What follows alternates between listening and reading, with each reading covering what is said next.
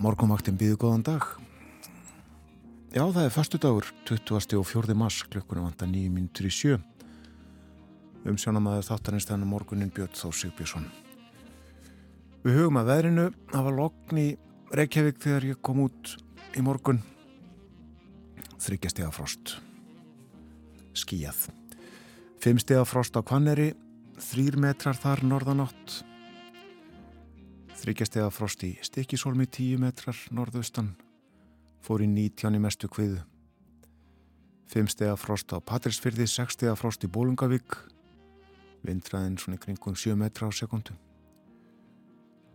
Þryggjastega frost á Hólmavík, 10 metrar þar norðanátt. 4 stega frost á Blönduósi, þryggjastega frost við Söðunisvita, 14 metrar. Þryggjastega frost á Akureyri, Allskíjað, norðvestan þrýr. Fjórastega frost á Húsavík og þryggjastega frost á Rauvarhöfn. Fjórastega frost bæði á Skjaldingsstöðum og á Eilstöðum. Tíu metrar á Eilstöðum, norðanátt, lítilsáttar snjókoma. Tveggjastega frost á höfni Hortnafyrði, einstigs frost á Kvískerjum, 11 metrar á báðum stöðum og eins og gengur kvassara í kviðum Þryggjastega frost á kirkjubæðaklaustri, hitti við frostmark á Stórhauða í Vestmanægjum, fjórastega frost í Árnesi, 12 metrar þar austanótt.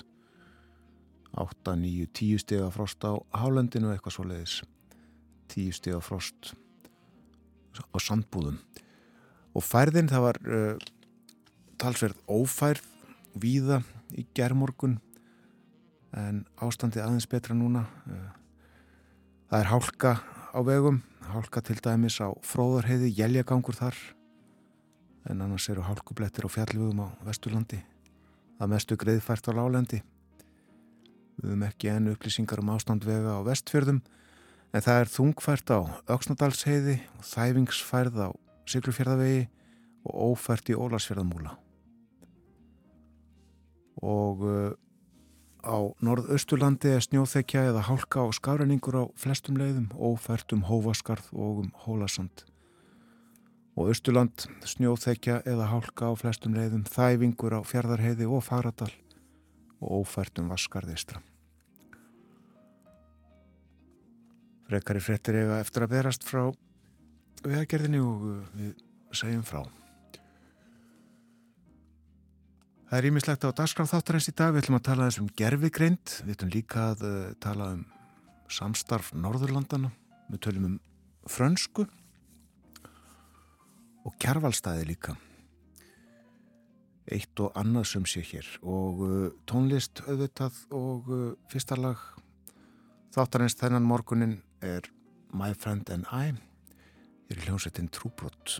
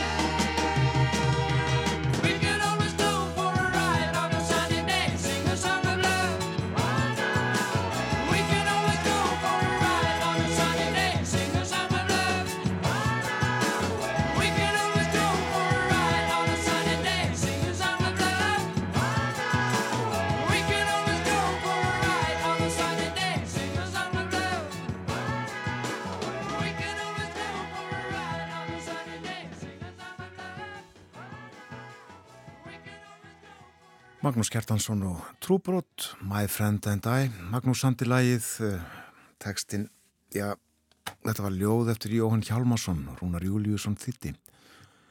Ég held að það hefði verið niðurstaðan eftir dómsmál sem var höfðað vegna þessa texta á sínum tíma. Lægið af blötinni Mandala frá 1972. Mandala er eitthvað fyrirbæri úr austurlenskri tákfræði sem ég kann ekki góð skil á. En Magnús Kjartansson hlut heiðusverlun íslensku tónlistaverlunana í fyrra kvöld. Hann hefur verið lengi í bransanum og uh, hóf sinn tónlistaferil með drengjalúra sveit Keflavíkur, sé ég á Wikipedia síðu um Magnús. Og hann spilaði mörgum hljómsveitum, hann var í Nesmönnum, Óðmönnum og uh, Jútasi áður en hann fór í Trúbrott og svo hefur hann verið í Blues Company, spilað með mannakortnum, var í Brunaliðinu og Brimkló og Haugum, held út í eigin hljómsveit, var í Sléttu úlvonum og fleiri böndum með þetta. Magnús Kjærvikingur, uh, bróður hans Kjartan bæjastjóri í Reykjanesbæ er í fréttunum í dag, uh, segja meira af því á eftir. Já, lítum í blöðin eftir smástund eftir uh, fréttinnar eftir að hafa farið ítalega yfir dagskrá morgunvaktarinnar þennan morgunin.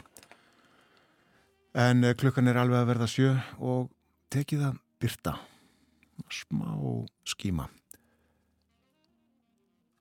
og það er förstu dagur, já. Rétt að minna á það fyrir ykkur sem hafði ekki alveg átt að ykkur á því. Það er helgi framöndan.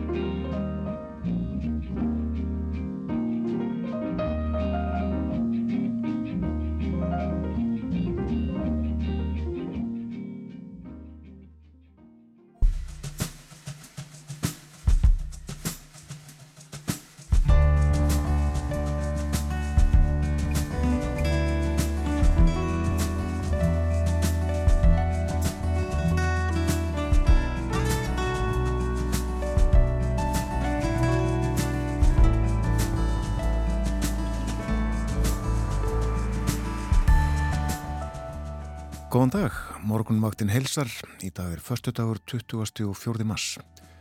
Björn Þó Sigbjörnsson hefur umsjón með þættinum í dag. Gerfi greind er mál, máluna þessa dagana, sérstaklega eitt forrið sem hægt er að spyrja um allt milli heimis og jarðar og það svarar á augabragði í laungu máli. Nýr heimur hefur opnast en gerfi greind er enna þróast. Hún er samt ekki glæ nýtt fyrirbæri. Fyrir 40 árum var fólk að veldinni fyrir sér. Við aðtugum hversu greind gerfigreindin var þá og hvernig tali var að hún myndi verða í framtíðinni. Við fjöllum líka um frönsku. Líkt og 16. november er dagur íslenskrar tungu, þá er 20. mars dagur frönskunar, hann var á mánudaginn. Franska er eitt af útbreytari tungumálum heims og að kunna hana opnar dýrað nýjum, stórum og fjölbreytum heimi. Rósa Elin Davidsdóttir kann frönsku upp á tíu hún kennir hana við háskólan og rétt stýrir fransk-íslenskri vef orðabók. Rósa verður hér klukkan hálf nýju. Við fjöldum líka um kervalstaði. Það eru 50 ár í dag síðan kervalstaðir voru výðir og við förum í tímaferðalag eftir morgunfréttir, reyfum upp frásagnir af opnun kervalstaða og aðdraganda byggingar þeirra. Og svo er það Norranna samstarfið dagur, Norðurlanda var í gær og Norðurlanda samstarfið í brennindepli, ekki síst á vettvangi Norranna félagsins. Bryndis Haraldsdóttir Þingmaður er formaður Íslands stildar Norðurlanda ráðs og hún verður hér rétt á eftir við ætlum að spjalla um samstarf Norrænu ríkjana. Veðrið það er enn útlitt fyrir norðaustanátt á landinu, það verður viða kaldi eða strekkingur og uh, það eru svona 8-13 metrar á sekundu, eitthvað svo leiðis. Norðan og austanlands má búast við jæljum og frosti en sunnan heiða verður bjartveður og þar getur hitinn sumstaðar farið rétt yfir frostmark yfir hádægin. Og á morgun lögadag er útlitt fyrir heldur hægari vind og uh, ekki jafn mikil jél eins og búist við að verði í dag. Það verður áfram þurft og bjart suðvestan til hiti breytist lítið á morgun frá því sem verður í dag.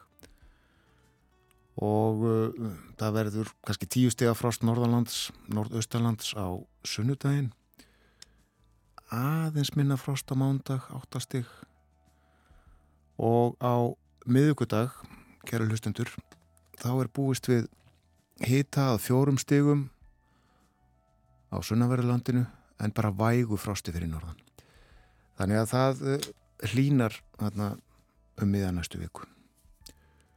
Vægt frost fyrir norðan hljóma miklu, miklu betur heldur en tíu á frost. Að ástandi vega, það er eh, hálka og jæljagangur á fróðurheiði og hálkublettir á öðrum fjallvegum á Vesturlandi. Þæfingsfærð og skafræningur á Steingrinsfjörðarheiði, það er ófært á Dinjendisheiði og uh, Ástandi þar kanna þegar líður á morgunin ófært í Árnesrepp. Nú uh, þungfært er á Ökstandalsheiði, þæfingsfærð á Siglufjörðavegi, það er ófært í Ólasfjörðamúla og hálka eða hálkublettir á nokkrum öðrum leiðum á Norðurlandi. Það er greiðfært í Húnavarsíslu og uh, vegurinn Víkusgarð, uh, hann er lokaður, stemt á að opna um hátegi í dag og það er einhver ófarð á norðausturlandinu til dæmis á Hóaskarði og á veginum um Hólasand þæfingur á Háregstaðalið snjóþekja víða á vegum á norðausturlandi og jæljagangur sumstaðar og sveipað á austurlandi snjóþekja eða hálka. Á þeim leiðum sem búið er að kanna segir í skeitinu frá vegagerðinni á austurlandi. Snjóþekja og skafreiningur á Fagradal. Og hálka víðast hvar á Suðausturlandi. Þá er það blöðin. Byrjum á fórsíðu morgunblæsins. Myndin tekin við uh, Strömsvík í gær þar sem að slökkvilið barðist við sinueld sem að kviknaði eftir að uh, nemi sem að þar var í nemaferð með deknum sínum, hann kvikti á blísi, kúlublísi og hljópneisti í sinuna og aflaust mikill eldur. Það var eins og kveikt hefði verið í púðri, er hér haft eftir Birgi Sörensen. Hann uh, á hús þarna eða átti, húsinas út í húsinas brunnu og vettvangur var vaktaður í nótt eins og Andri Irkil sæði frá í fréttunum aðan og uh, enn einhver eldur eða glæður allavega þarna í. Nú annars er fjallaðum húsnæðismarkaðin á fórsíðu morgunblaðsins Rættir við Þorvald Gissurason, hann er uh, fórstjóri og eigandi Þotn G-verks sem er umsveða mikið byggingaverk taka fyrirtæki og hann segir líklegt að síðasta vakstahækkun Sælabankans kæli í búðamarkaðin og drægi þar með bæði úr sölu og nýfrankvændum. Og því sé ekki ólíklegt að það muni skapa spenna á markaðnum þegar vextir lækka á nýj og Vignir Steinþór Haldosson sem á byggingafélagið Öksa, hann tekur í svipaðanstreng. Og hér segir hann, við sjáum hvað er að gerast á leikumarkaði, hann er að springa út, fyrstu kaupendur hættu að standast greiðslumatt, endur og kröðunar orðna svo stífar og eiga því margir ekki um annaði velja en að leia eða flytja aftur í fóraldrahús. Og svo þegar vextiðin læka þá mun þetta springa í andlitið á okkur og eftirspurnin aftur verða umfram frambúðið. Og fréttablaðið, við finnum það á netinu. Þar er hér sagt í fyrirsök frá því að Livja fyrirtæki þrýsta á alþingismenn. Erlendir hagsmuna aðilar eru saðir beita sér gegn banni við blóðmerahaldi á Íslandi. Og uh, það munu vera dýravendunarsamtökin Animal Justice sem að segja erlendir svína og söðfjárræktendur þrýsti á þingmenn hér að samþykja ekki bann við blóðmerahaldi og uh, þessi samtök segja líka að erlend lifafyrirtæki beiti sér fyrir mildara orðalagi í lögum. En uh, þetta er sem sagt bara haft eftir þessum samtökum. Það er ekki vitna til neins þingmanns um að, að uh, þeir hafi fundið fyrir einhverjum þrýstingi frá erlendum hagsmunaðarum eins og fullirt er hér á fórsíðu frettablasins. Myndin annars stór skemmtileg, það má sjá hérna 1, 2, 3, 4, 6 stráka og þeir heita Arnar Magni, Andri Pétur, Kristófer Nökkvi, Garðar Breki, Sigurður Lógi og Alexander Lógi. Þeir eru úr engjaskóla og hafa síðustu mánuði unnið að því að smíða sér kofa upp í tríi og uh, þeir segja að þetta hafi, þetta, þessi smíðavinna hafi bætt vinskapin og þeir eru núna nánari vinir þessir strákar sex flottir. Ég vildi væri 12-13 ára. Geti leikið mér í þessum kofa. Nú svo er hérna uh, fréttin sem ég sagði frá fyrir uh, fréttir, fyrir fréttir klukkan 7 að, að Kjartan Már Kjartansson bæjan stjóri Reykjanesbæ væri nefndur í. Sko, það er verið að segja af uh, þessu fyrrhugaða lagseldi samherja á Reykjanesi og þegar uh, allt verður klárt allt tilbúið þá munu verða framleitt þar 40.000 tonn á lagsi og það er ekkert smottir í. Ég held að uh, aflamarkið í Þoski á þessu fiskveið ári sé rétt rúmlega 200.000 tonn. Þannig að þetta er eitt 50 af því sem á að framleiða þarna í kerjunum á Reykjanesinu og 100 manns munu fá vinnu, hafa vinnu við þetta. Og hvers vegna nefndi ég kjartan? Jú, hann segir að uh, flutningarnir á uh, öllum lagsinum uh, úr kerjunum og yfir á flugullin sem að verða um 100.000 tonna ári kalla á endurhönnun og styrkingu vegakerfisins til og frá þessu sveiði. Og það samtal er hafið melli okkar og ríkisins við þurfum að koma þessu inn á samgöngu áallin. Og svo er það þetta mál sem við höfum fjallarsvöldið um, um uh, fyrirhugaða tilskipun Európusambandsins um uh, flugmál sem að uh, gera það verkum að uh, flugfélögin hér þurfa að borga uh, talsvert herri skatta eða háa uh, skatta vegna mengunar. Já, við höfum sagt frá þessu bæði fósættisráð þeirra og utaríkisráð þeirra hafa bytt sér í málunu og nú er Lili Alfredsdóttir viðskiptaráð þeirra á leið til Brussel til þess að funda með fulltrúum Európusambandsins um þetta og Hún segir hér uh, þetta er stæsta hagsmunamál fyrir Ísland á síðari árum. Við höfum ekki sömu möguleika á aðrar þjóðir á umhverjusvænum kostum.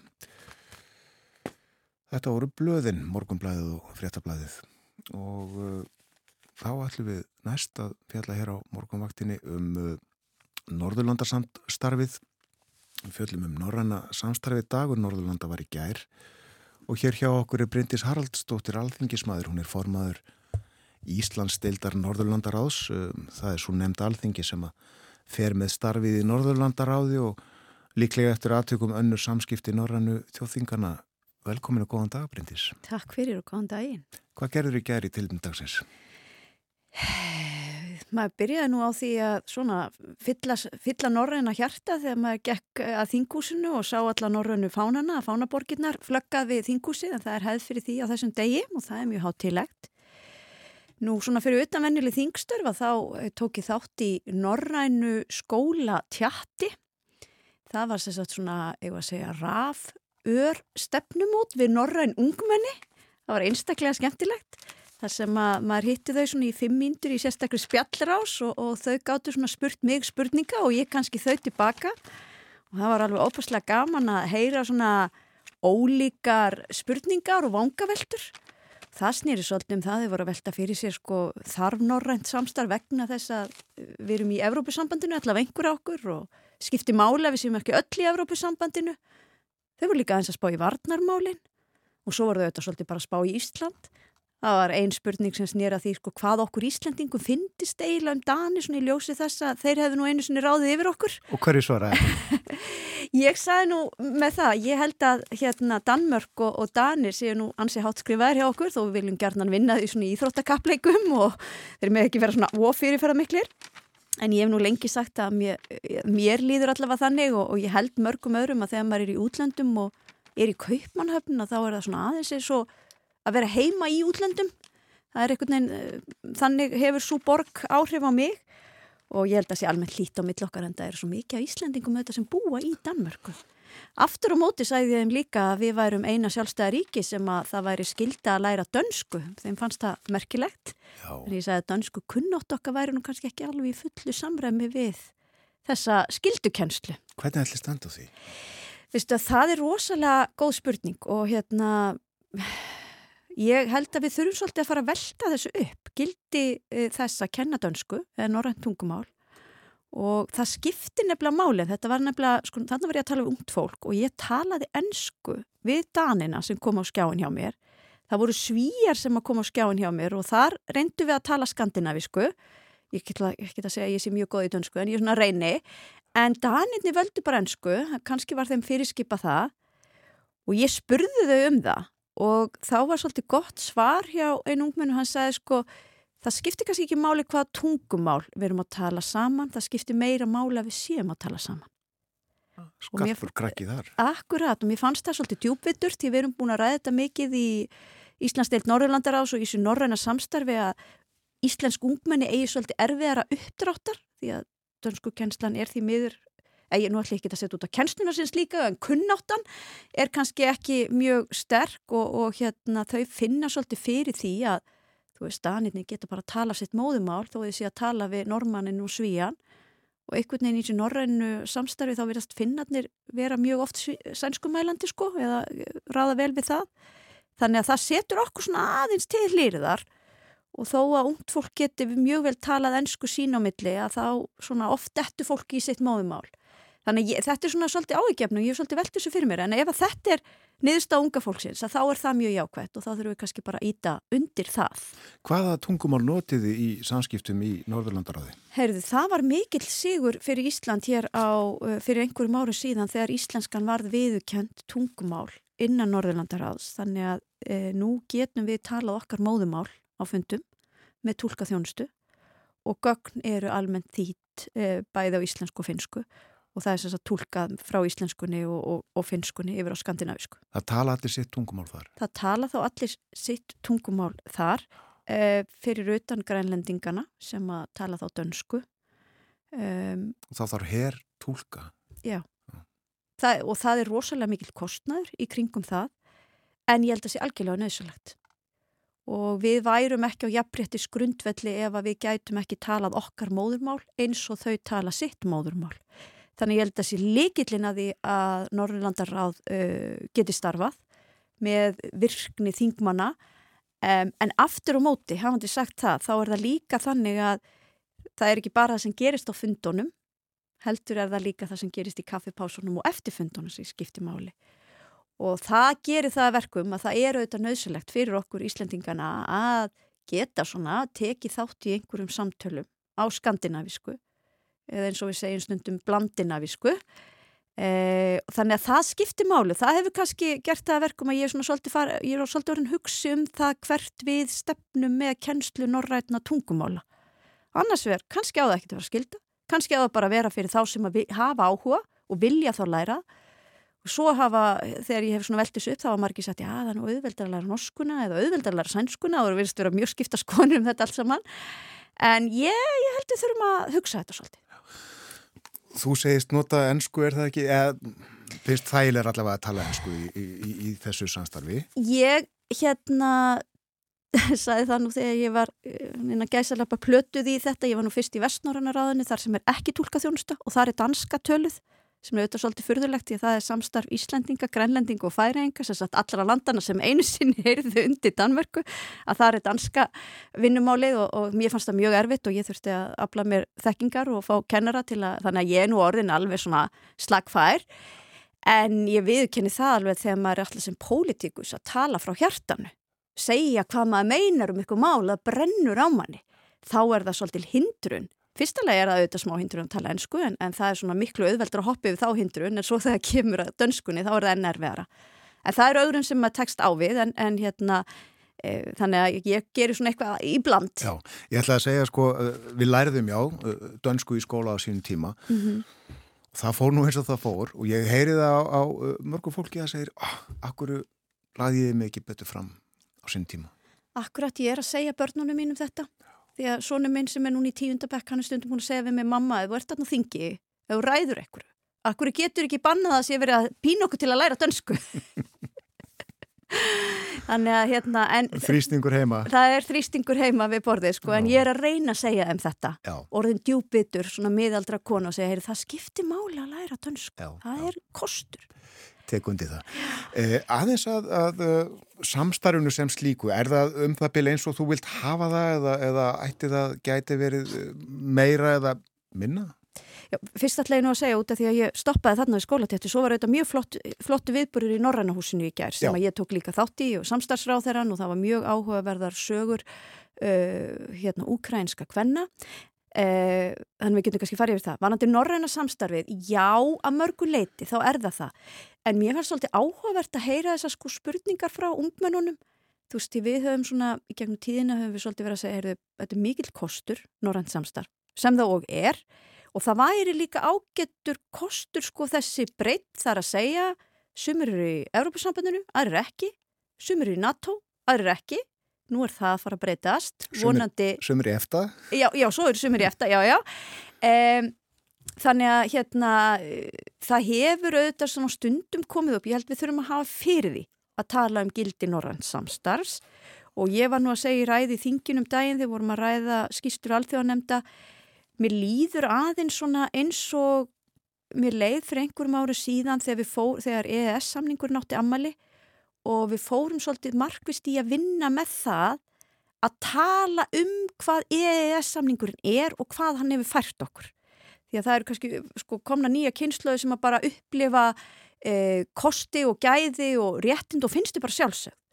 Og það er það sama með norrænt samstarf að það er svo óbúslega mikið sem hefur áunnist í gegnum tíðina vegna þessa samstarf sem okkur finnst svo sjálfsagt. Hvernig við getum ferðast millir Norðarlandana, flutt millir Norðarlandana, stundanám og öll þessi menning og allt þetta flæði. Það eru þetta tilkomið út af því að þetta samstarf var sett á ottin, út af Norrlandaraði, Norrannir áþæranemdini og þú veist það eru svo ótal mörg, mörg verkefni sem hafa einhvern veginn flætt svona í gegn og gera það í verkum í dag eigum við þessi réttindi. Það skipta máli. Emitt, við nefndum þessi sambönd og, og uh, bandalög, uh, við eigum í alþjóðarsamstarfi á, á uh, já, það, í, í gegnum ímislegt eins og við fórum yfir. En sko, hvaða vægi hefur Norranna samstarfið og, og Norðurlanda ráð og Norranna ráð þeirra nefndin svona í stóra saminginu?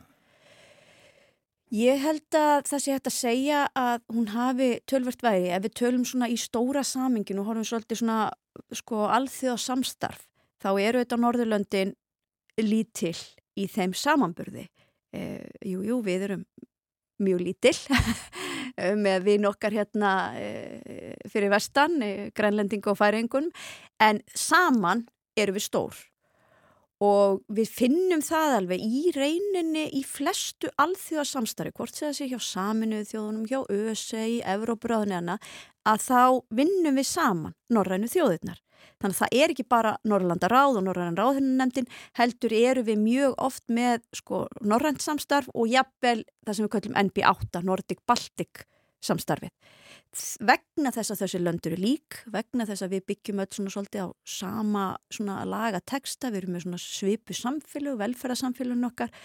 Þannig að í stóra saminginu hefur það mikil áhrif og ég vil eiginlega meina að svona norræna velferðarmótilið bara gildi okkar hvernig samfélagun okkar eru er svona, ef ég má slepta ákveði brand og það er hort til þess. Já, sumur segja nú að molnað uh, úr því undan. Ég veit ekki hvort það sé rétt en ég held að það þurft standa vörðum það mm. og ég held að það muni skipta mjög miklu máli og það sé svolítið verkefni okkar að standa vörð um þessi gildi og út af ég nefndi nú það sem var þarna í Norrannahúsinu í gær það ég var að hlusta á ukrænskar konur tala um menningu og hvernig menningin væri að hjálpa þeim í stríðinu og við höfum lagt áherslu á það að styðja Úkrænu og við höfum til dæmis í Norrlandaráði höfum verið með hér fundi þar sem fengum úkrænska þinkonur og bladamenn en við vorum líka að taka fólk frá Belarus og svona.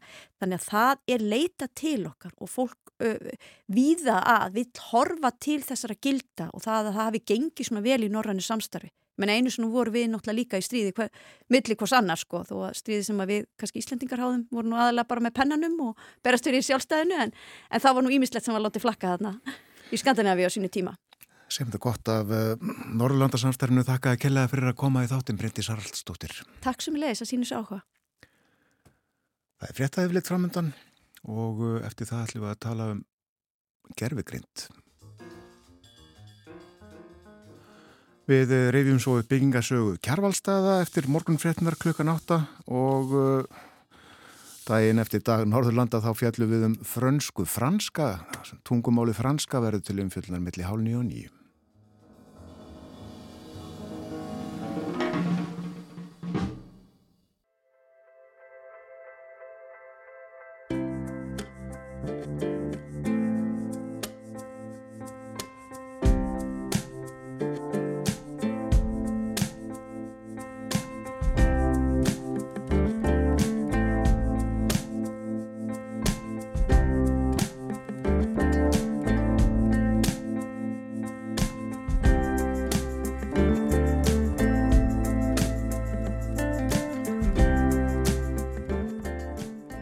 Sæl þegar það hlusta á morgunvaktina á rás 1 klukka núna réttliðilega hálf 8 það er förstu dagur í dag komin 24. mars.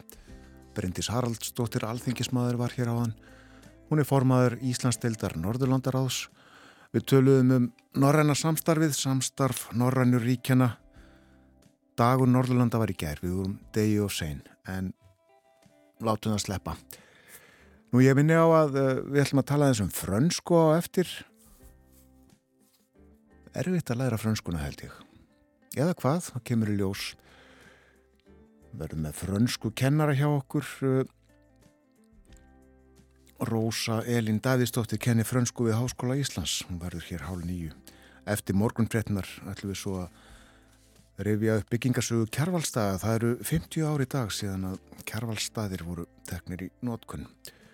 Stuttlega að veðurhorfunum norð-austanátt í dag, eh, vindræðin víða á bylinu 8 til 13 metrar á sekundu, snjókoma norðan á austalands, frostið 2 til 8 stík. Yfirleitt létt skíðað sunnan heiða, sumstaðar frostlust þar yfir hádægin.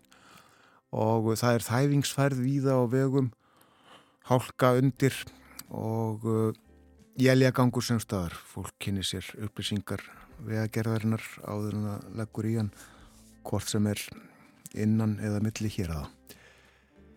En uh, nú að öðru, það er mikið fjallaðan um gerfigreint þessa dagana. Fyrir í vikunni var heilmikil fundur á vegum stjórnvalda um máltækni og gerfigreint og í gær var sagt frá því að háskólatin í landinu hafa stopnað vinnuhóp til að bregðast við nótkun spjallmenna og annarar gerfigreindar á háskólastígi og öld gerfegreindar er runnin upp. Þetta var haft eftir Bill Gates í gerðiða fyrir dag. Það má ætla að gerfegreind sé alveg nýtt fyrirbríði og auðvitað er hún það eins og hún er í dag, hún er komin á alveg nýtt stig.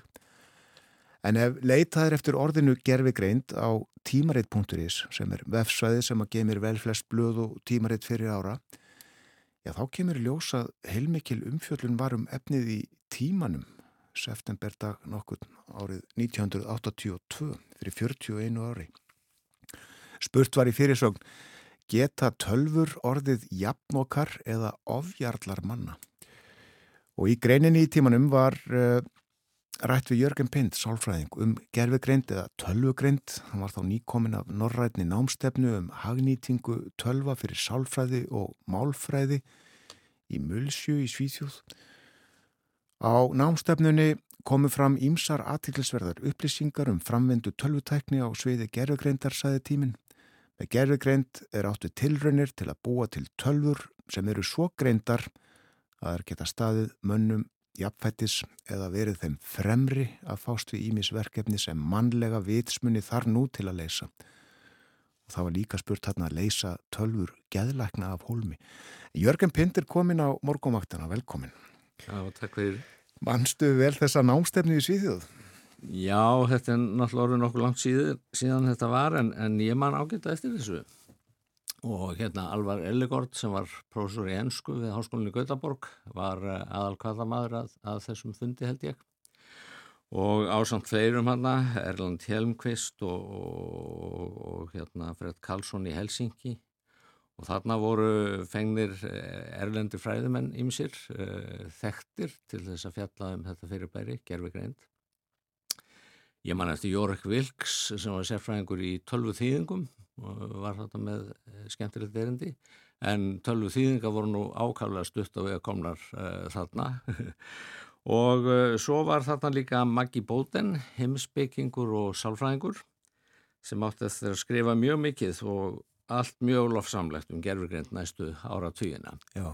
Þannig að þetta var mjög fróðlegu fundur og, og, og skemmtilegur. Og þú varst kennar í MH er það ekki á þessum tíma? Jú, ég var það og svo reyndar skömmu síðan þá reyðist ég til orðabokkar háskólans og, og fór að halda utan um tölvvæðinguna þar. Já. Áður en ég snýri svo aftur í, í sjálfræðina í Háskóla Íslands. Já. Já, tölfur voru nú ekki á hverju borði er það þetta 1982 en, en tókst þú tölvunum strax opnum örmum?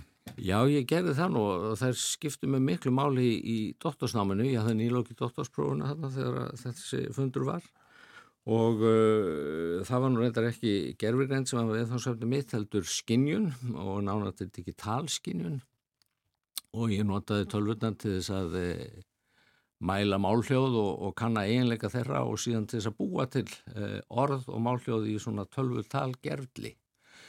Það var síðan lagt fyrir hlustendur, íslenska hlustendur sem áttu svo að merkja við hvað er hyrðu og svo þurfti að sapna gagnunum saman, vinna úr þessu, reikna tölfræðis og framvegs og ég samti sjálfur til dæmis eh, tölfræði forritin sem ég notaði til þess að vinna úr þessu.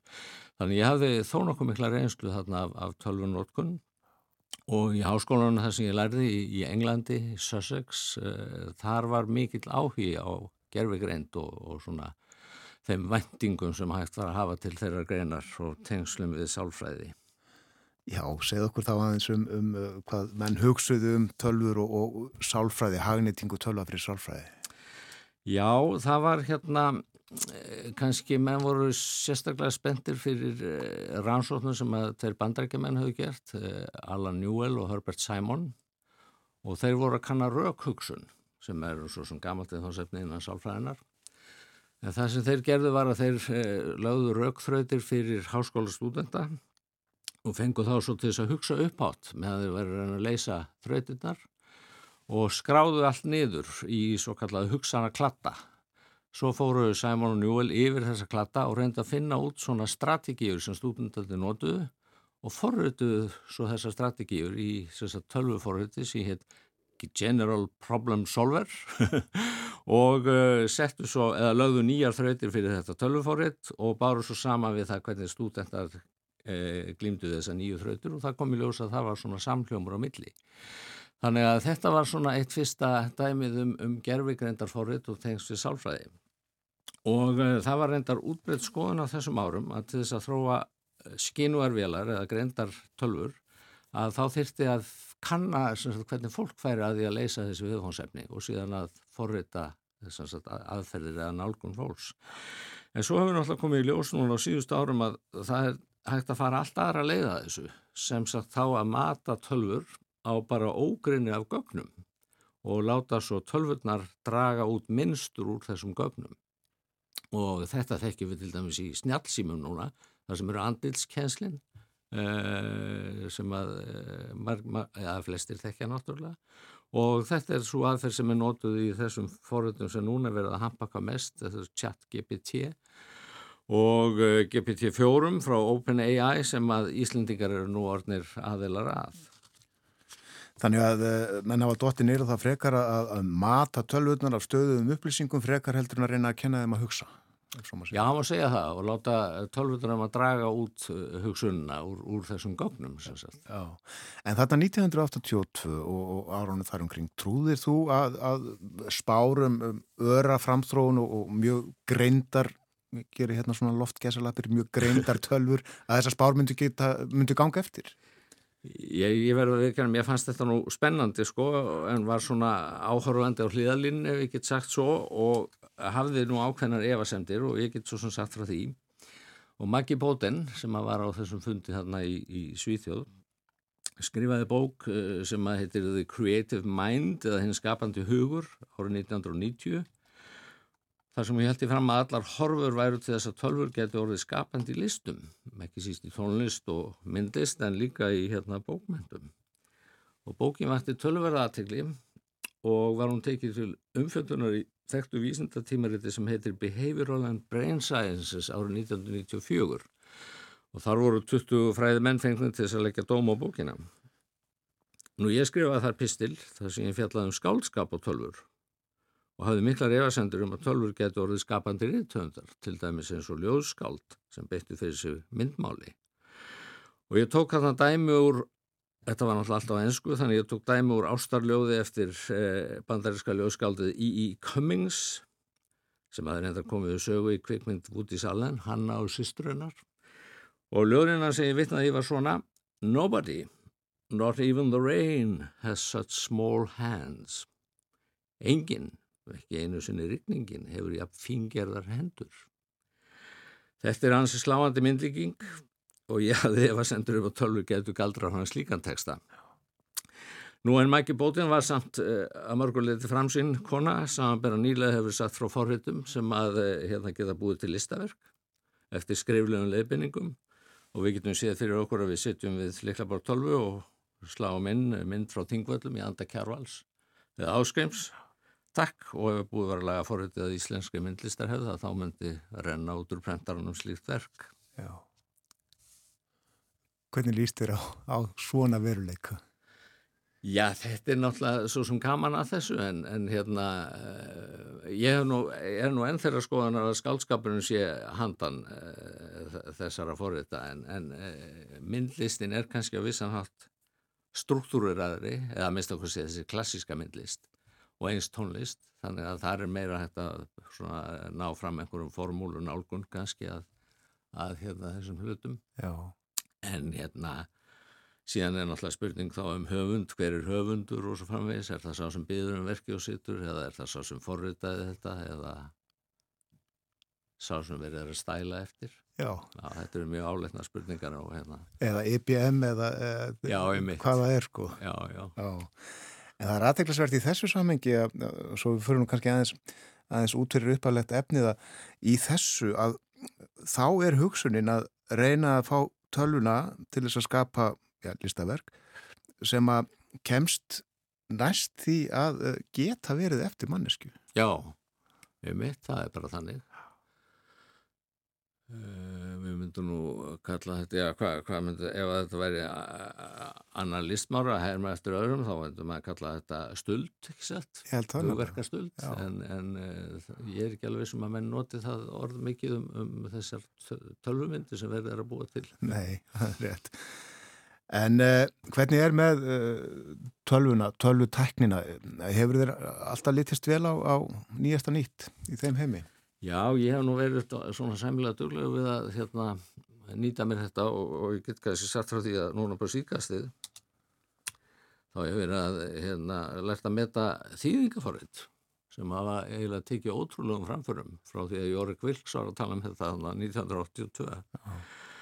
og ég skrifa, hef skrifað nokkrar greinar um, um vísindasögu og sögu sálfræðinar á ennsku allt saman í alltfjörlega tímaritt og svo hef ég svona að ganni verið að snúaði mig yfir á dönsku og þá hefur ég oft gert það að henda þessu inn í Google Translate fyrst eða annað fórið sem heitir DeepL og uh, út úr því kemur svona hráþýðing og maður sér náttúrulega hún er fjarið því að vera fullkominn en uh, hún er samt glettilega góð í raun og veru. Þannig að það er þetta að nota þetta sem svona hrátt uppkast og svo getur maður farið og laga textan til Já. og þetta finnst mér flýta fyrir. Að, og ég er alveg vissum að þessi forrið, þýðingaforrið eiga eftir að taka mjög mjög framförum á næstu árum. Já, það er hagnýtti náttúrulega, uh, liggur það bara ljóst fyrir. Já, einmitt. Mjög margir sem að njóta og, og hérna þess að við tökum hluti eins og hérna reglugerir Európa-sambandsins sem eru mjög struktúriræði tekstar, allir svipað uppbyggðir og svo framvegis að ég held að það getur verið mikið gagna þessu við að, að hérna, fyrir tíðundur að hafa þetta sem svona fyrsta áhlaupað teksta svo, en svo þarf að sjálfsögða að lesa yfir og, og, og því að stundum eh, koma stórkostlegar þýðinga villun alltaf út úr þessu. Já, akkurat. Færa þetta yfir á líka ekki bara rétt heldur líka svona þægilega eh, sæmilega eðlilegt mál. Já, einmitt. En eh, hvað með þitt fag, sálfræðina, hvernig er gerfigreint nú þegar nýtt í sálfræði og, og hvernig munum nýtast heldur þau? Ég, það var náttúrulega hérna á árum áður sko, þá voru menn mjög spenntið fyrir þessu að, að þróa svona tölvu líkan um hugsun og, og, þess áttar, en mér sýnist svona að það sé svona heldur minni áhuga á því núna. Þannig að, að eh, sálfræðin er nú svona vissanhátt orðin hefbundnari þar að segja, nú er ég að tala um eina akademísku sálfræði, tilurina sálfræðina með þá að leggja fyrir tilurinnur og vinna úr þeim og svo framvegis. Þannig að það er ekki, það er mun minna um svona tölvu líkon í fræðigreinum um, um, um, um sálfræði heldur en var hérna fyrir nokkrum árum. Nú en svo getur maður veltið fyrir sér hvað með svona eins og klíniska sálfræði og, og, og hérna eh, er hugsanlega með að fara að nota þessi spjallmenni þar uh, og þá má rifja upp kannski að á sjönda áratug síðust aldar útbjó Jósef Weisenbaum sem var professor við tækniháskólinni Massachusetts MIT sér til skemmtunar tölvforröld sem hann kallaði Elísu og hermdi eftir viðtalið við sálfræðing. Og þannig að maður getur kannski sleiðið inn og líka bara ég er frekar dabur í dag og þá spyr tölvan á móti af hverju heldur þú að þú sér dabur í dag? Og svo framvegis. Já. Nú skemst er frá því að segja að tölvan skildi auðvitað ekkit af því sem framfór en greip bara svona stöku orð úr því sem fólk skrifaði og svaraði svo tilbaka með opnum spurningum. Þetta fórrétt vakti tölverða aðtegli og einhverju samstagsmenn væði sem bámsbáði jafnvel um að fá tíma hjá Elísu. Og farið var að tala um að hægt var að þróa þetta sem eitthvað svona ígildi e, sem sagt sálfræði meðferðar. En Weissenbaum honum leist nú afleitlega á þessar viðtökur sem hann átti alls ekki vona á og skrifaði bókum hættuðar sem gerfugrænt geti fallið í sér Já, Computer já, já. Power and Human Reason hétt hún kom út 1976 og þar gaggrindan þá tilhengi að fara að líta hugbúnað sem ígildi mannlegar hugsunar það er ju engin vitund í tölfunni, það er ju þannig. En hættan er svo að fólk komið til með að trúa því að spjallmennin búir umverulega yfir vitund. En hér verður tíminn alltaf bara leiðið ljós hvað gerist og, og hérna það er svo sem uh, vel hugsanlegt að, að spjallmenni kom, munu koma þarna við sögu framtíðinni. Já, að við getum farið í hugranna atferðlis meðferð því á einhverju tölufóriti. Já, svona minnst okkurstu með aðstóð þeirra. Já. Þannig að það er Það er alltaf verið að spá sérstaklega um framtíð. Minnum þá á aftur að í þessari greini tímanum þarna hösti 1982 þá var spurt leysa tölfur geðlegna af holmi. Einmitt, já. Og þar var nú líklega verið að fjalla um Væsenbám. Já, já, það getur verið, getur verið, akkurat. En uh, sko, tölvurnar, tölvugrindin, uh, hefur hún breytt okkur fólkinu nú þegar eða mun hún gera það heldur? Já, alveg öruglega sko, eins og allar teknilegar hérna, uppgötunar og það er alltaf skemst að minnast á, á þessa merkjulegu uppgötunum sem er riðmálið uh, sem er ju einhelsta undirstaða siðmenningarinnar sem að umlíkur okkur alveg frá blödu basminni að, eh, og eins er með þessa teknin í ungar að þær eru allt um kring og, og, og yfir um. Og eh, það er kannski aðeins erfitt að sjá hver stefnir á þessum tímapunkti og ég má kannski hérna segja frá tveim pislum sem ég bara var að lesa í New York Times Endilega. alveg nýjum 8. mars byrtist þar grein eftir Noam Chomsky og tvo samstarfsmenn en Chomsky má líklega telja fremsta málfræðing síðustu aldar og þeir benda á í grein sína að spjallmenni læri mál með allt öðrum hætti en börn hjá börnum sprettu máli fram eins og á sjálfu sér við ekki mjög mikil máli samskipti við fullorna og ástæðan er svo að heilabú barnana er stilt inn að það að læra tungumál, orð þeirra á málfræði og það gerist áreinslu lítið. Nú tölfur eru hins vegar mataðar á ógreinu upplýsinga um sem hins stóru tæknifyrirtæki búið yfir og nota þær svo til þess að greina hverskins minnstur í málinu. Máltaka barna er að sjálfsögðu tengt vaknandi vitund þeirra tilfinningum og siðferðisroska en tölvurnar eru að verða alltaf sálarlösa skefnur. Og höfundarna klikja svo út með því að segja að þeir viti ekki hvort þetta sé að hlæja eða gráta yfir þeirri hrifningu sem spjallmennin sé að vekja þessa vikurnar. Nú en svo á þriðu dag núna, bara fyrir þrejum dögum, þar byrtist svo grein eftir Thomas Friedman sem er einn helsti pislahöfundurblæðsins og hefur verið til margra ára tuga og greinin heitir hvorki meira en að minna en Prometheus tímamótin. En Prometheus var jú, í grískri goðafræði sá sem að ferði mannkyninu eldin Og Friedman hafi fengið að eiga samskipti við GPT-spjallmennið sem eru það sem Íslandikar eiga nú aðeltað og getur ekki lengt hrifningur sinni. Hér sé komið að tímamótum í sögu mannkins. Þannig að það er augljóslega mjög skiptar skoðanur um það hvað er að gerast. Já. Og svo vitnaði þú jú í Bill Gates hérna sem var nýlega að, að lýsa sinni skoðun á þessu. Já. Þannig að það eru svona evasendarmenn, Chomsky og kannski fleiri, ég sem var hérna áður fyrr líka og, og hérna en, en, en svona maður sér nú að þetta eru hansu öflugur búnaður, það, það verður nú að segast eins og er og, og kemur kannski óvart að hægt sé að vinna svona upp úr þessu mikla magna af gögnum, svona öflug forrið. Öld gerðugrindar er runnin upp, saði Gates víst. En uh, aðeins með okkur fólkið áfram, uh, verður við latari að hugsa? Mér finnst það nú frekar ólíklegt og hérna uppfinningar til dæmis fram til þessa dags hafi að því að ég fæ best sér frekar ítt við hugsun fólks og þar getur maður bara að hugsa til aðra þessara stórkostlega framfara sem orðið hafa á liðnum öldum. Þannig ég held að þetta mér nú kannski á vissanhátt íta undir hugsun fólks. En þetta er auðvitað mikil áskorun fyrir skólakerfið eins og búið að ræðum og, og, og jafnvel að menn munu nota spjallmenni til þess að svindla sér inn í próf og, og hérna, eða framhjá prófspurningum. Og hvaða áhrifum muni gerðvigrindin hafa á nám, það er nú erfitt að, að segja til um það. Nú ég gerði smá tilhörn í gær og fór inn í hérna, þetta nýja spjallforrið sem að hvað mest er, er hérna fjallað um, þetta GPT og ákvaða að leggja fyrir það spurningu. Og þetta fór nú allt fram á ennsku svo sem en, en ég laði fyrir, fyrir forriði spurningu úr skinjunasálfræði sem að var svona, segðu mér hvað er fígúra á grunnur. Þetta eru líkil hugtök í skinjunasálfræðinni þar sem að við erum með aðgreiningum til þess sem er í fórgrunni og þess sem er í bakgrunni.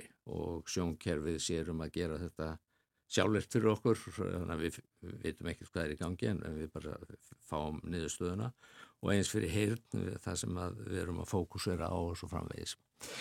Nú að það kom smá pístil tilbaka náttúrulega og 15 línur þar sem að var svona fjalla almennt um þetta og var bara svona alveg liðtækur texti þannig að ef að þetta hefði verið háskólanemi sem hefði verið að svindla sér fram hjá prófspurningu og sett þetta inn þá hefði hann kannski fengið fimm, eða auksanlega fjóra eða eitthvað þeimt úr. Það vantaði svona smáatriðin í þetta.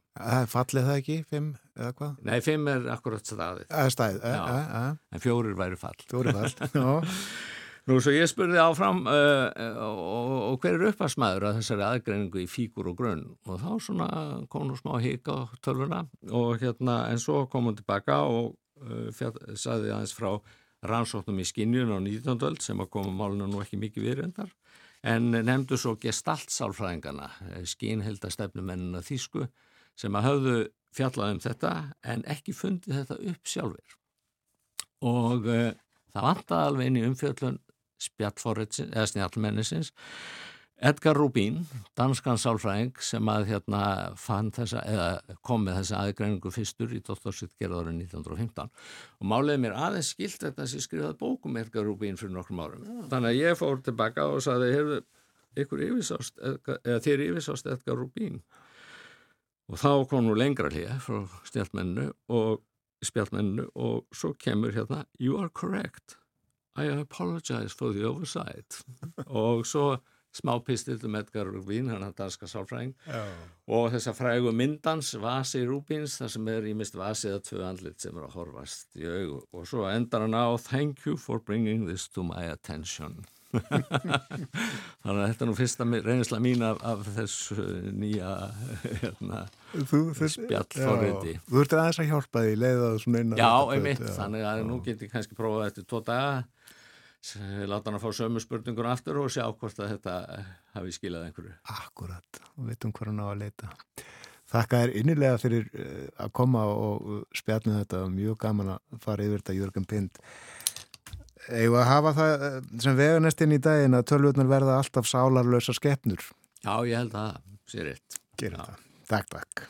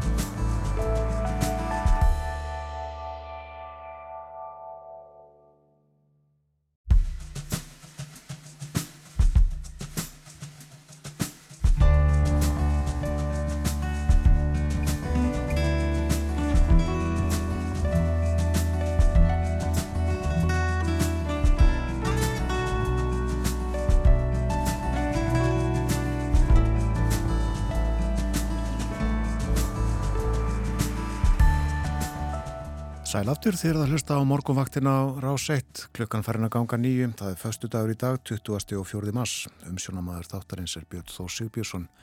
Hér fyrir fréttir var Jörgen Pind, sálfræðingur gestuminn, við töluðum um gerfigreind sem mikið er fjallað um þessa dagana, öld gerfigreindar er raunin upp, er haft eftir Bill Gates í fjölmjölum, var í gær, en uh, Jörgen var í viðtali við tíman 1982 um gerfugrind.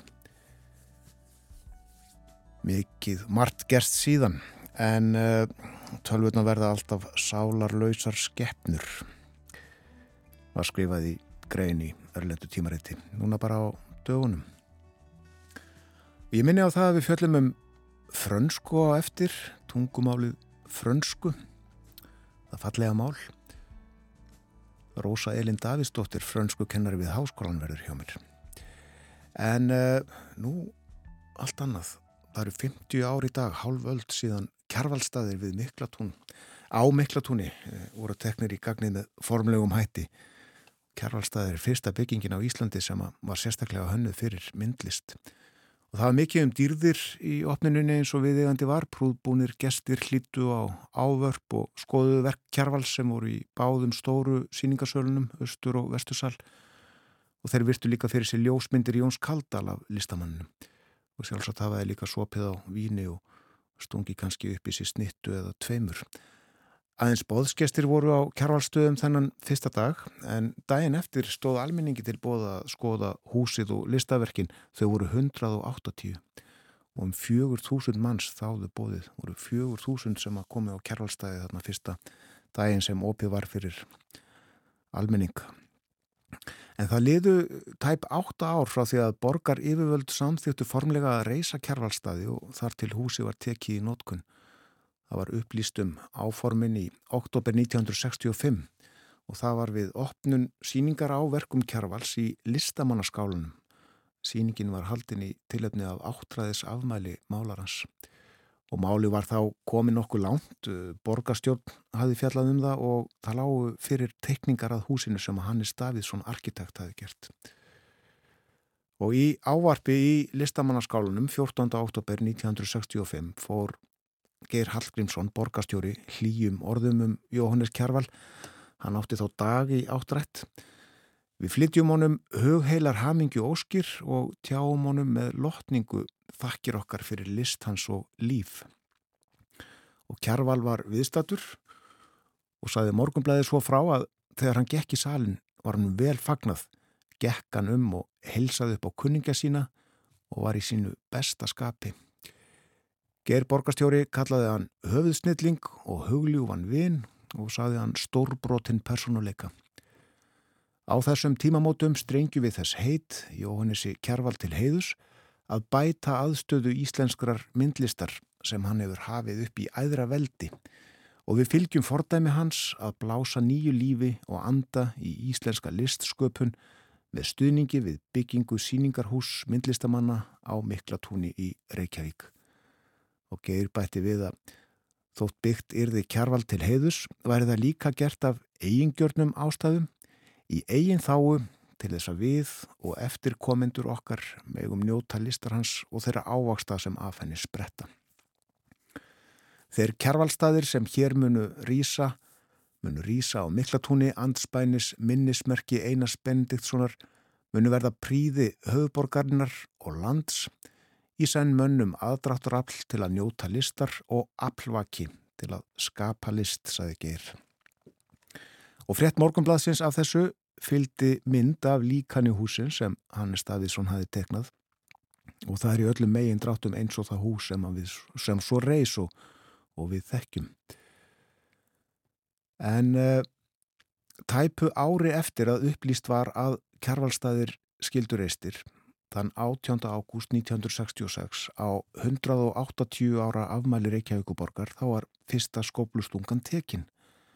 Stungið fyrir kjærvalstöðum, saði fyrirsögn fréttar tímans og meistarinn sjálfu var fenginn til að taka fyrstu skoplustunguna og viðstattir voru allir helstu fossasmenn borgarinnar, einni listamenn og vinir Kjærvals. Mönn Kjærval hafa komið með eigin skoplu að heiman til öryggis ef borgarstarfsmenn hefðu glemt því. Og aftur helt Geir borgastjóri Hallgrímsson tölu og þakkaði meðal annars Kjærval fyrir að mæta og taka fyrstu skóplusnunguna. Má sá sem nefndur var segja orð, spurði þá Kjærval, sinni djúpur öttu eins og skrifa var í tíman. Leitan yfir hópin og túnið sínum listamanns augum og hvaðst vera mjög þakklátur Reykjavík og borg fyrir þetta framtak en vildi leggja áherslu á að munað yrði eftir fleirum en sér einum og vildi þá rifja upp stef sem hann einhver tíman hefði lært og hljóðaði svo. Láttu standa í lífsbók þinni líka þerranöfn sem mitt. Og komið þá aftur að stóra deginum, vikslu Kjærvalstaða 24. mars 1973. Listamæðurinn var þá látin, Jóhannes Kjærval lest 13. april 1972 á 80. og 7. aldursári. Já, það var mikið um dýrðir eins og ég sagði aðan, borgastjórnin, mentamálar á þeirra og fósettahjónin, Kristján og Haldóra Eldjórn voru þarna ásand fjölda annara bóðskesta og Haldur Lagsnei skrifaði grein í síningarskrá. Og eins og þá týðkaðist þegar fjalla var um nýjar glæsilegar byggingar í blöðunum þá sagði morgunblæðið frá nokkrum undistöðu atriðum er vörðuðu húsið sjálft Salarveggir eru úr jórnbentri steipu, innrabyrði er hörstríi, óbleiktur, veggir í álmu að flókagötu eru úr timbri, klættir að utan veður þólnu stáli. Þög, sem öll eru borin af steinstiftum súlum, eru úr stálbitum og plötum. Einangrun er fröðglir, regnvörn er asfaltpappi. Gólf aðalsalar eru lögð eikarstöfum en hliðarsalar og húsagarðs lagðir grásteinsflögum. Opnast húsagarður beint úr veitingahúsinu Miklagarði þar sem gestur geta fengið sér kaffi og veitingar og sömrum mun vera hugmyndin að flytja megi borð út ef veður leifir. Á opnadagin var sól og fagurt veður og opið út í gardin. Í húsinu eru tæki til rakajöfnunar, uppbytunar og lýsingar með glóperum. Í aðalsölum eru jóðkvartskastarar og í lofti komi fyrir skermum til stjórnuna rafbyrtu og dagsbyrtu. Og í áarpi saði borgastjóri sem nú var Birgir Íslifur Gunnarsson meðal annars að húsið ætti að vera vettvangur myndlistar, tónlistar, bókmetakinninga, ráðstefna og umræðufunda um hverskins menningamál. Umfram alltaf hús þetta að verða menninga miðstöð borgabúa Hér á að ríkja það andrumsloft sem dregur borgarbúa til sín, menningalegt umhverfi þar sem fólki líðu vel en þó engin lognmótla. Hér eiga menna geta tekið afstöðu með eða móti stefnum og ströymum í listum og menningamálum, rögrætt og deilt í mista fundum eða sín á milli yfir kaffibotla. Í þetta hús á að vera gott að koma, saði Birgir Íslefur borgastjóri. Og ég held ég mæli fyrir munn margra þegar ég segja þessi óskans rættist, það er gott að koma á kjærvalstæði. En hér er smá út úr dúr, sama dag og kjærvalstæðir voru výðir var lítil grett í þjóðviljanum. Í árlegri atkvæðagreyslu hins fræga Tussó vaksmyndasaps í London var Nixon bandargefosetti kosin hataðisti maður heims og jafnframt sá sem flestir óttast. Til þessa hefur Adolf Hitler verið í þessu heiðusæti, heiðusæti þarna innan gesalappa. Satan sjálfur náði ekki nema fymtasæti að þessu sinni í keppninu um þennan titil. En Nixon fekk góða sárabót því að hann var líka efstur í atkvæðagreifslunni um titilin dáðasti stjórnmálamadur heims. Aðeins meira um Nixon og eftir og hér er annar útúr í mæ byrtist eftirfarandi í velvakanda í morgumblæðinu Þegar myndlistahúsið á Miklatúni var opnað með glæsilegri síningu á verkum mistarans kjarvals þóttust ímsir þess fullvissir að þetta ætti að verða staður þar sem einungis erði list á báðstólum. Nú stendur þar yfir vörusíning.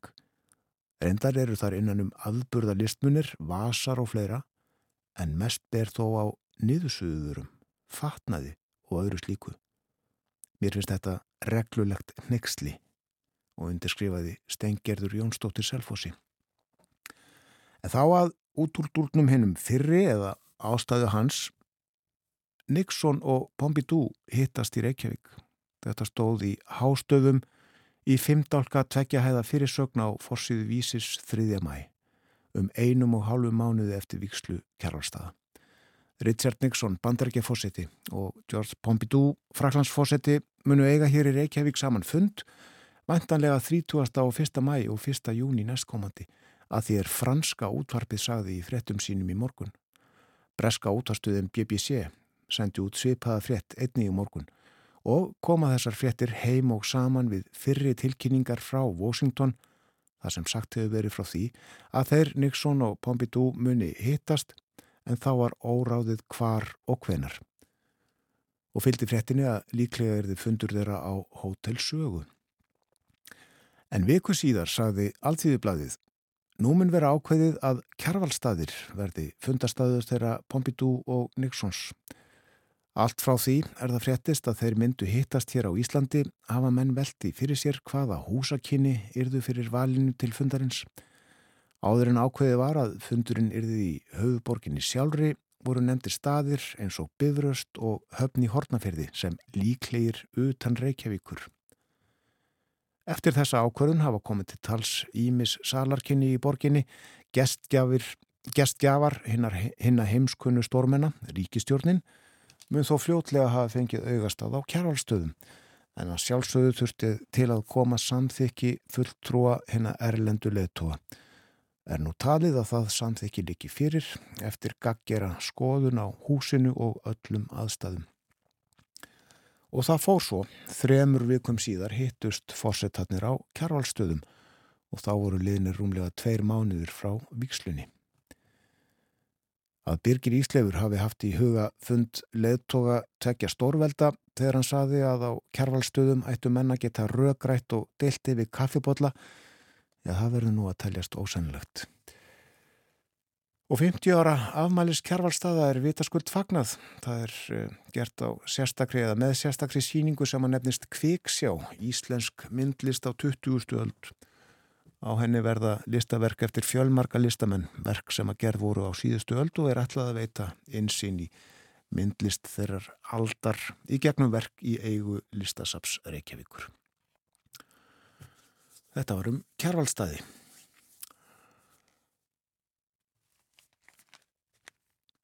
Langar að lesa hér aðeins úr morgumblæðinu frá því í gerð. Nú ekki mikið um rós, ekki ómikið um rós allavega í íslensku samfélagi. Við tölum meira um það sem miður fyrr en uh, það var aðsend grein í morgunblæðinni gær sem að vakti aðtekli mína. Lengi hefur það týðkast að mörgum spjótum sé beint að heilbriðiskerfi okkar og landsbítali háskólasjúkrós ekki síst orðið fyrir þeim. Mér langar að segja stuttasögu að viðskiptum mínum við það og LSH. Rétt fyrir síðustu jól greindist ég með minnsemt í ristli. Læknir minn á Húsavík taldi þörfa á að fjarlæga hana og sendi beðni um slíkt til LSH. Fekk ég svo bóð þaðan í þorra byrjunum að koma til aðgerar 10. februar. Var ég skorin í sundur og skeittur saman, ef svo má segja, minnsemtinn burt og hluti ristils.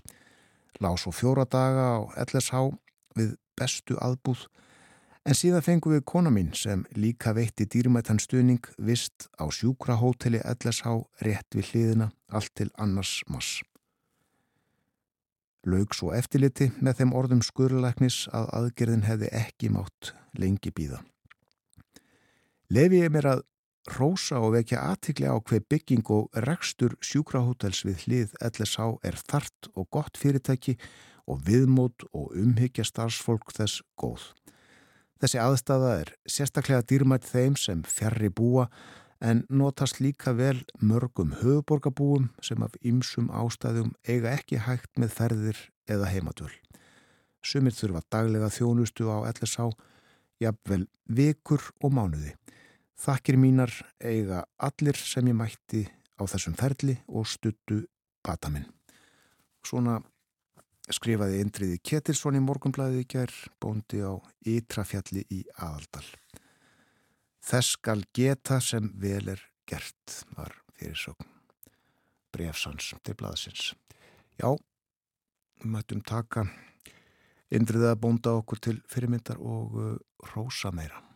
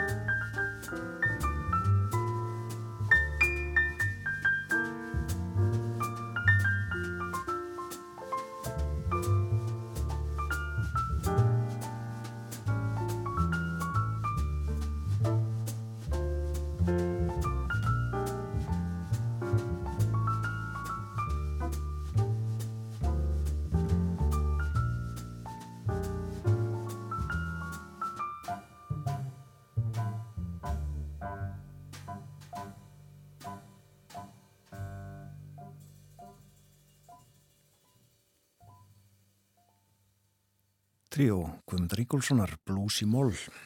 Ekki veit ég hvort Blues í Mól verði leikin í Silvubergi í Hörpu á sunnudaginn en þar hefðast klukkan 2, klukkan 14 tónleikar Lúrasveitar verkaliðsins og uh, þetta verða auðvitað stórtónleikar. Hljómsveitin átti 70 ára ámali í síðasta mánuði og uh, þá kom Þórun formaður sveitarinnar til okkar. Hún leikur á saxofón líka með henni og uh, spjallaði við okkur vitt og breytt um hljómsveitina. Það er gaman í Lúðrasveitsáðun og hún var spennt fyrir hljómleikonum sem verða sem, sem sagt á sunnudaginn, það er ókeppis aðgangur.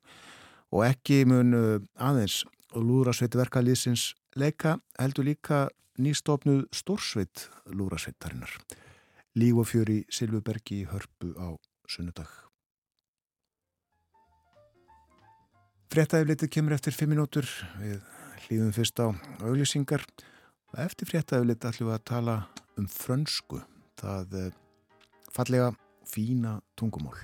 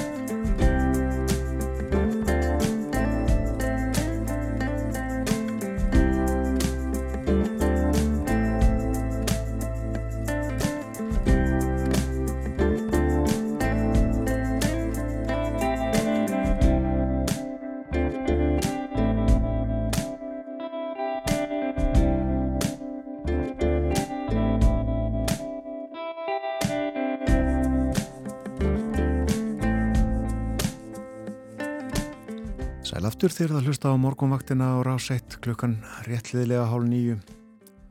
Það er förstu dagur í dag. Helgi framöndan. Og veðurhorurnar höfum þær yfir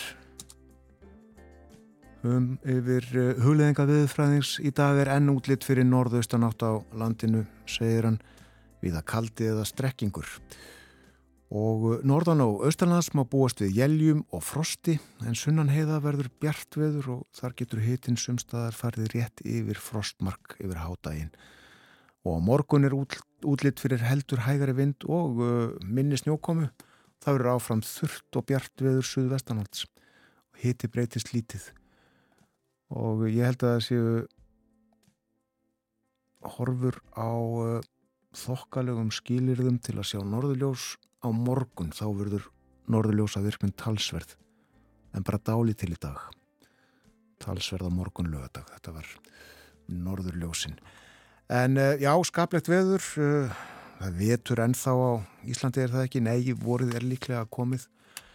En uh, í París er akkurat núna 12 stíða hitti fyrir 15 í dag þegar best lætur en þá má um leið búast við svo litilli rigningu og uh, ég nefni það vegna þess að uh, næstu mínútur verður fjallað um frönsku hér á morgunvaktinni en fyrir vikunni var alþjóðlegur dagur frönskunar og frönsku unendur nota vikuna og ég gott ef ekki mánuðin allan til að vekja aðtikli á ágæti og mikilvægi frönskunar og þeim tækifærum sem að frönsku mælandi bjóðast. Og hér hjá mér er Rósa Elin Daðistóttir, hún kenni frönsku við háskólan og reitt stýri líka leksíu Íslensk-franskri vef orðabók. Góðan dag og velkomin. Takk, góðan daginn. Hvernig segi ég þetta einmitt? Góðan dag og velkomin á fransku. Bonjour et bienvenue. Það er einmitt það. Við ætlum að tala um franskuna sjálfa hér á eftir þetta fallega tungumál sem að uh, bæðið er sagt vera tungumál ástarinnar og, og líka lista og menningar. Fyrst langar mig að tala aðeins um frönsku kennslu á Íslandi uh, í grein á vísi á dögunum þá bendið þú á að við styttingu námstíma til stúdensprófs hefur verið dreyið úr tungumálakenslu og þar á meðal frönsku kenslu og þú nefndir einnig að færri framhaldsskólar byggðu nú upp á frönsku námen áður og af þessu hefur þú auðvitað áhegjur. Já, það er rétt. Hérna, við í félagi frönsku kennara höfum tölvurar áhegjur af þessari þróun. Uh, við náttúrulega ráðum ekki við þessa styttingu og þá við um all tungumálinn, líka þísku og spænsku sem eru kent sem þriða tungumál þessi hérna, stýtting bytna líka á þeim. En franskan hefur aðeins svona uh, orðið út undan í undanfærin ár að skólar hafa ákveða að sleppa því að bjóða upp á hana svona í hagra engar skinni held ég að það snúist svona um peninga að færri hafa vali fransku eftir að það var í bóði hérna að velja spænsku líka.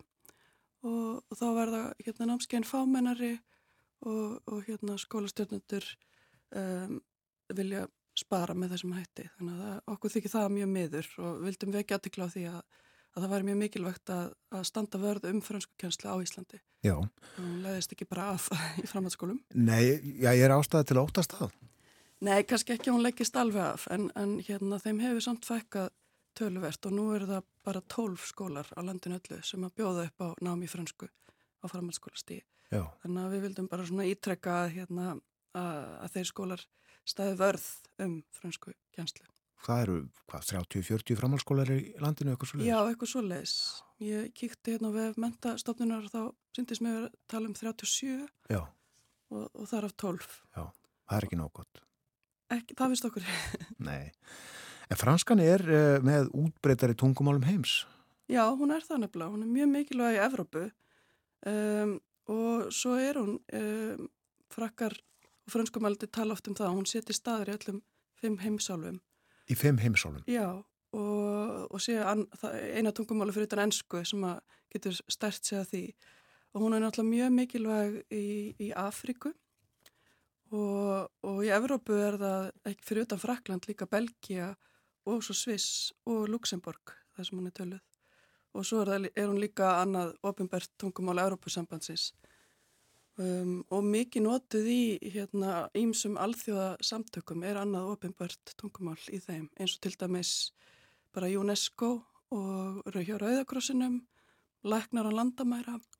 Og við mitt e, franskukinnarar okkur hefur stundum verið bent á það til dæmis af Rauðakrossinum og um, uh, læknum á landamæra, sérstaklega Rauðakrossinum á Íslandi, að það vandi reynilega franskumalandi fólk og bara getið ekki hérna, gert eitthvað í þessu og vanda franskumalandi fólk til að vinna í verkefnum og vegum Íslands, Rauðakross Íslands. Þannig að það geta skapast fjölmörg tækifæri við að kunna fransku?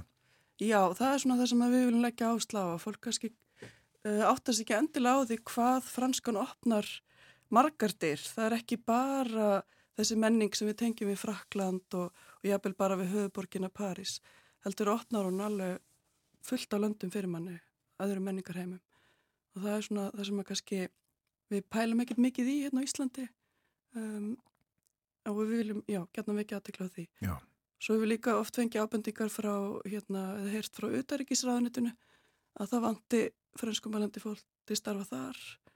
Um, það fólk kannski sem hefur lögfræði mentun eða mentun í alþjóðastjórnmálum og fransku kunnáttu og geti starfaði sendir aðum Íslands í París eða í Belgiu. Hvers vegna fórst þú uh, í fransku á sín tíma? Um, mér fannst málið bara svo fallegt. Það var hérna aðal ástæðan fyrir að ég ákvaða að læra það Svo ég bara stundum grínast með það, já, einhvern veginn ekki geta hægt. Ég ætlaði ekki að sérhafa mig í fransku, en ég var alveg með það á hreinu, ég vildi geta tala hana, þannig að ég fór til Fraklands eftir stúdinspróf til að ná betri tökum á henni. Já, og varstu sæmilega undir það búin að búa í París eftir eh, námið í framhaldsskóla? Eh, ég fór endar ekki strax til Parísar. Fransku kennara minna mitt hérna ráðlaði mér að fara til Suðu Fraklands, þegar ég fór hérna í lítinn bæ í Suðu Fraklandi, nálat Marseille. Um, Já, mér fannst náttúrulega erfitt að tala með góðan grunn. En það er svolítið átaka að byrja að tala fransku og tala við fransku mælandi, þau tala svolítið rætt og svona. Þannig að já, ég var með góðan grunn. Og svo, svo kemur það fljótt. Já, já, það er ímislegt við franskuna eh, frambörðurinn og þetta oft snúin en hver eru svona helstu enginni tungumálsins ef þú getur líst þeim? Já, franskan er hérna rómans tungumál, þannig að hún er komin af latinu um, Það er rétt þetta sem hún nefni með frambörðin, hann er svolítið snúin, sérstaklega fyrir okkur Íslendinga og það er svona kannski stafar af miklum hljóðfræði breytingu sem hafa orðið á franskunni gegnum tíðina og e, hérna það hvað mikið ósamra með millið hvernig hún er skrifuð og hvernig hún er borið fram á yfir. Þannig að það oft reynist fólki erfitt hérna á Íslandi og maður getur ekki lesið hana eins og hún er skrifuð. Um, en annars myndi ég segja að hún væri mjög svona bara hljómfögur og um, en um, það sem er kannski að gera næðans auðveldari er orðaforðin að við getum oft nýtt okkur kunnáttu í ennsku til að skilja eða jafnvel prófað að taka orð sem við þekkjum úr ennsku að tókurstu getum sagt það með franskum áherslum, það virkar ekki alltaf en það eru svona alþjóðlegur orðaforði, orð, orð komin úr latinu og svo grísku þessum að við kannski þekkjum úr öðrum málum Já, akkurat Og svo náttúrulega ekki... þarf ekki að beigja hana fyrir ekki að Það er ekki að beigja orðin eins og íslensku. Já. Þannig að ég reyni alltaf að benda nefndum á það. Þeim finnst stundum erfitt að vita hvað kyn er orð og læra það með umlega mann er í nýtt orð. Svo já, þau þurfum þá allavega ekki að beigja orðin eins og þeir sem læra íslensku þurfa hérna, að kljóst við. Já, getur verið lausið það. Já. Já. En þetta með uh, orðin sem að uh, eiga hlýðstæðu í ennsku, það eru um þetta ekki ennsk orð sem hafa komið úr ennsku inn í frönskuna, þetta er úr latínum. Já, stundum, já. já, já en svo er náttúrulega áhrif af, hérna, það eru áhrif úr ennsku á fransku núna í dag. Það er þannig? Já, það, það koma einhver áhrif, já. Þannig það eru ágjör af uh, slettum í, í ennsku slettum í fransku eins og, eins og sem er hafa ágjör af hér á íslenskunni. Já, hérna, og svona því ég er mikið í orðabóka bransanum þá hérna, þá er það alltaf tekið fram, ég, þau eru kannski í orðabók, einhver orð sem eru algengi í málinu en eru ennsku slettur, eða tekin úr ennsku, beint úr ennsku uh, þá er það alltaf tekið fram hvað, hérna, hvaða annað orð, franst orð væri betra eða orðalag væri réttara. Það er svona yfirleitt, en, en það verður að reyna að stýra því aðeins. Þannig að franskan er að þróast og breytast eins og mörgunni tungumál. Já, svo sannlega. Við hér höfum þetta áhyggjur af íslenskunni, við erum fá, Já. það eru margir sem að kunna fransku, hún töluði í í fimm heimsálum eins og þú nefndir og þetta er fymta útbreytasta tungumál veraldar. E, eru áhyggjur í Fraklandi af franskunni? Um, ég myndi segja já og nei. Sko þeim sem tala fransku fjölgar í heiminum og það er kannski að hluta tilstafar af miklum mikillir fólksfjölgun í Afrikulöndum en þeim sem læra fransku sem erlendtungumál í heiminum fjölgar líka þannig að það hérna að vissuleiti er svo þróun jákvæð en það er alltaf einhverjur áhyggjur af emitt hvernig unga fólki talar eða áhrif úr öðrum málum eins og ennsku um, og líka bara að franskan haldi þessari stöðu sem ofinbært tungumál ímsa stopnana og að það sé þá tekstar í bóði á fransku það sé ekki bara svona í orði að þetta sé líka tekstar þessar stofnana finnist líka á fransku og að franskan sé til staðar á vefnum og, og svo leis. Já. Er uh, ein franska eða eru mállískur í fransku eins og mörgum öðrum málum? Um, það eru mállískur þá bæði í Fraklandi og svo er náttúrulega franskan ólík eftir hvað hún er tölu þannig að það kannski þekktast eða sem við þekkjum mest best hér á Íslandi er svo franska sem er töluð í Kanada í Quebec til dæmis. Það er svona, hún er borin svolítið öðruvísi fram, það er svolítið sérstakur reymur um, og þá á þetta líka við um orðaforðan og, og núna hefur svona uh, franskar ráðanetti sem hefur að gera með málstefnu uh, verið að útbúa orðabók yfir þá fransku sem er töluð í öllum heiminum að sérsta svona dokumentera það hvaða, hérna, hvernig orðaforðan getur verið ólíkur eftir mismöndi svæðum. Já, og fyrst þú minnist á uh, orðabók, segð okkur aðeins frá uh, leksíu sem að þú vinnu við. Já, það er hérna íslensk-frönsk orðabók sem er á vefnum og er ókipis og þetta er verkefni sem ég hef verið að vinna að í mörg ár og er ekki alveg tilbúið en samt opið almenningi. Við erum ennþá að vinna í henni, við erum að bæta við orðum og þetta er verkefni á vegum stopnunar Vigdísar Fimboðadóttur í Erlendum tungumálum og stopnunar Árna Magnússonar í Íslenskum fræðum. Og þetta er styrt af sérst, bæði Franska ríkinu og Íslenska ríkinu aðalega. Já, frakkarnir tilbúinir að leggja peninga í þetta uh, já, til að efla sitt mál. Fyrir til, já, einmitt. Marki sem að nýta sér uh, leksíu?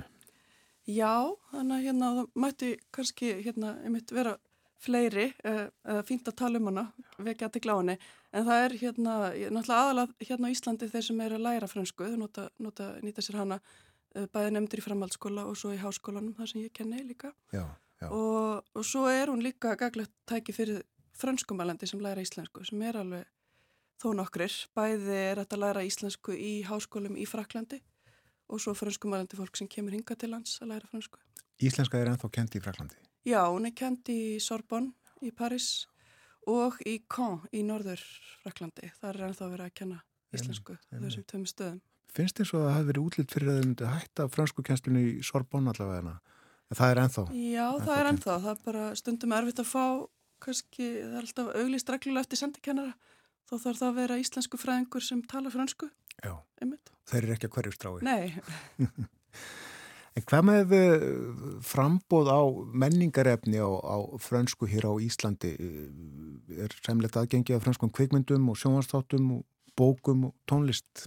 Já, ég myndi segja það. Það er náttúrulega Netflix núna, það er að hérna, finna ímislegt þar, bæði þáttaraðir og fullta myndum á fransku. Þannig að ég myndi bara hveti fólk til að prófa svona til að breyta til, að leita eftir tungumáli á hvað kemur upp þar. Já, það er hægt. Já, sérst það er að velja, ég ætla að fá hérna upp eitthvað sem er, efni sem er á fransku Já. og þá, hérna, þá, þá sér maður það betur.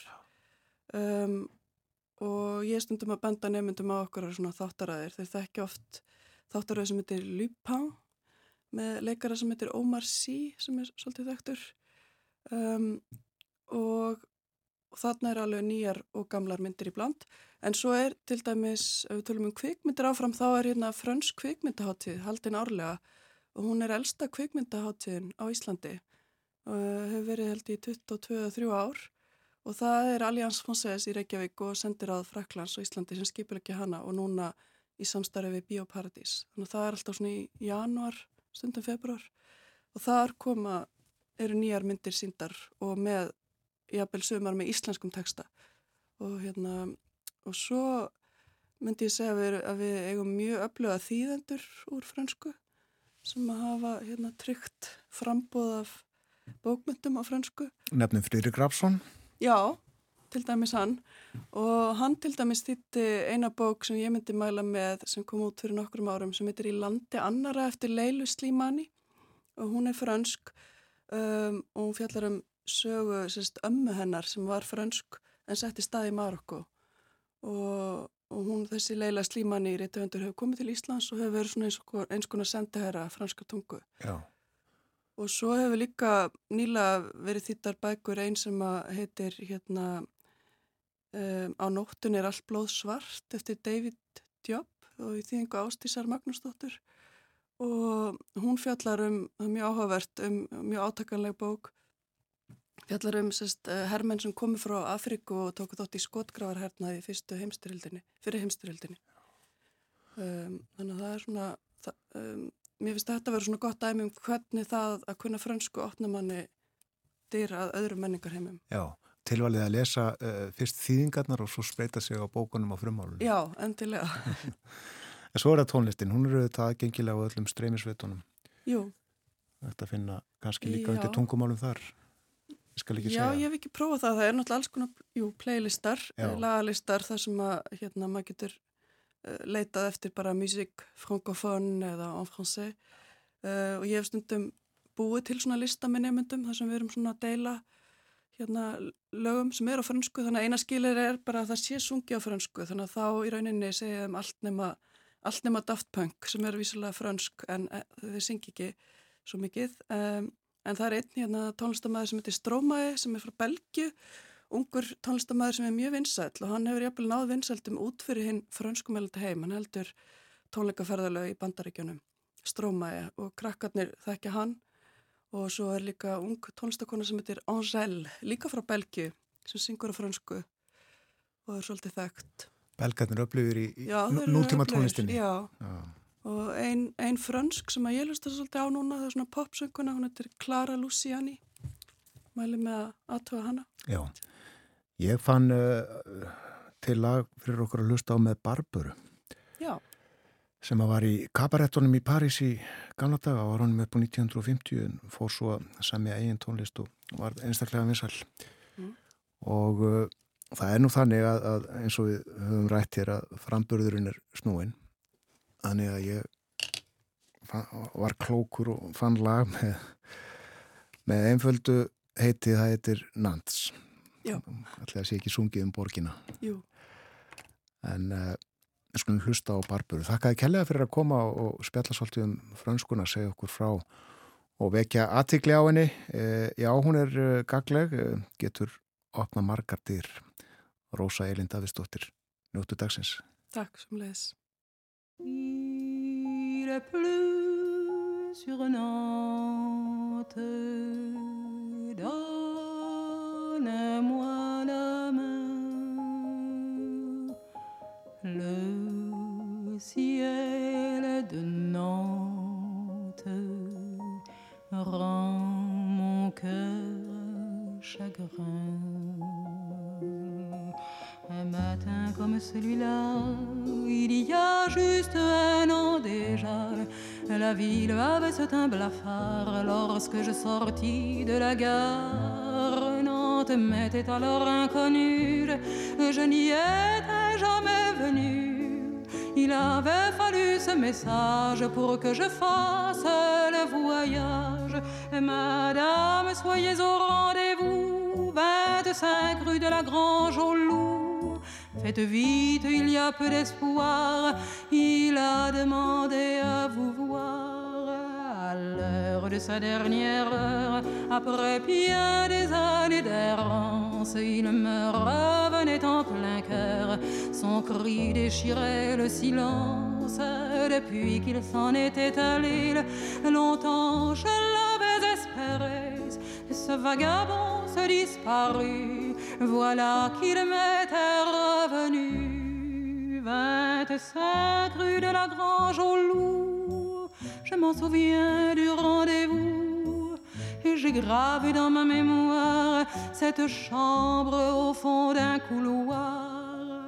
Assis près d'une cheminée, j'ai vu quatre hommes se lever. La lumière était froide et blanche, ils portaient l'habit du dimanche. Je n'ai pas posé de questions à ces étranges compagnons. J'ai rien dit, mais à leur regard, j'ai compris qu'il était trop tard. Pourtant, j'étais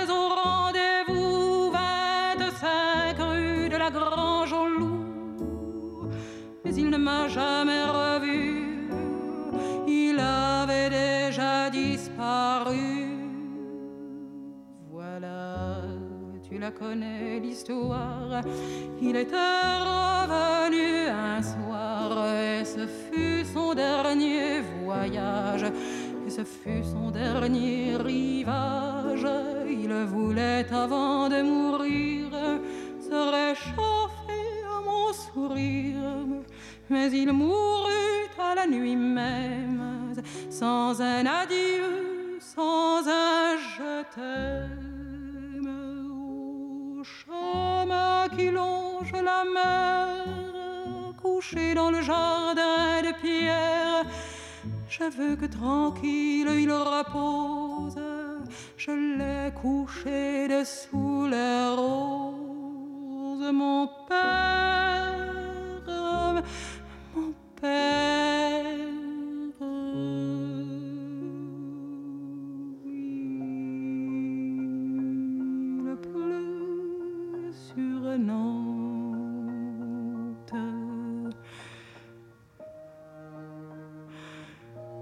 je me souviens le ciel de Nantes rend mon cœur chagrin.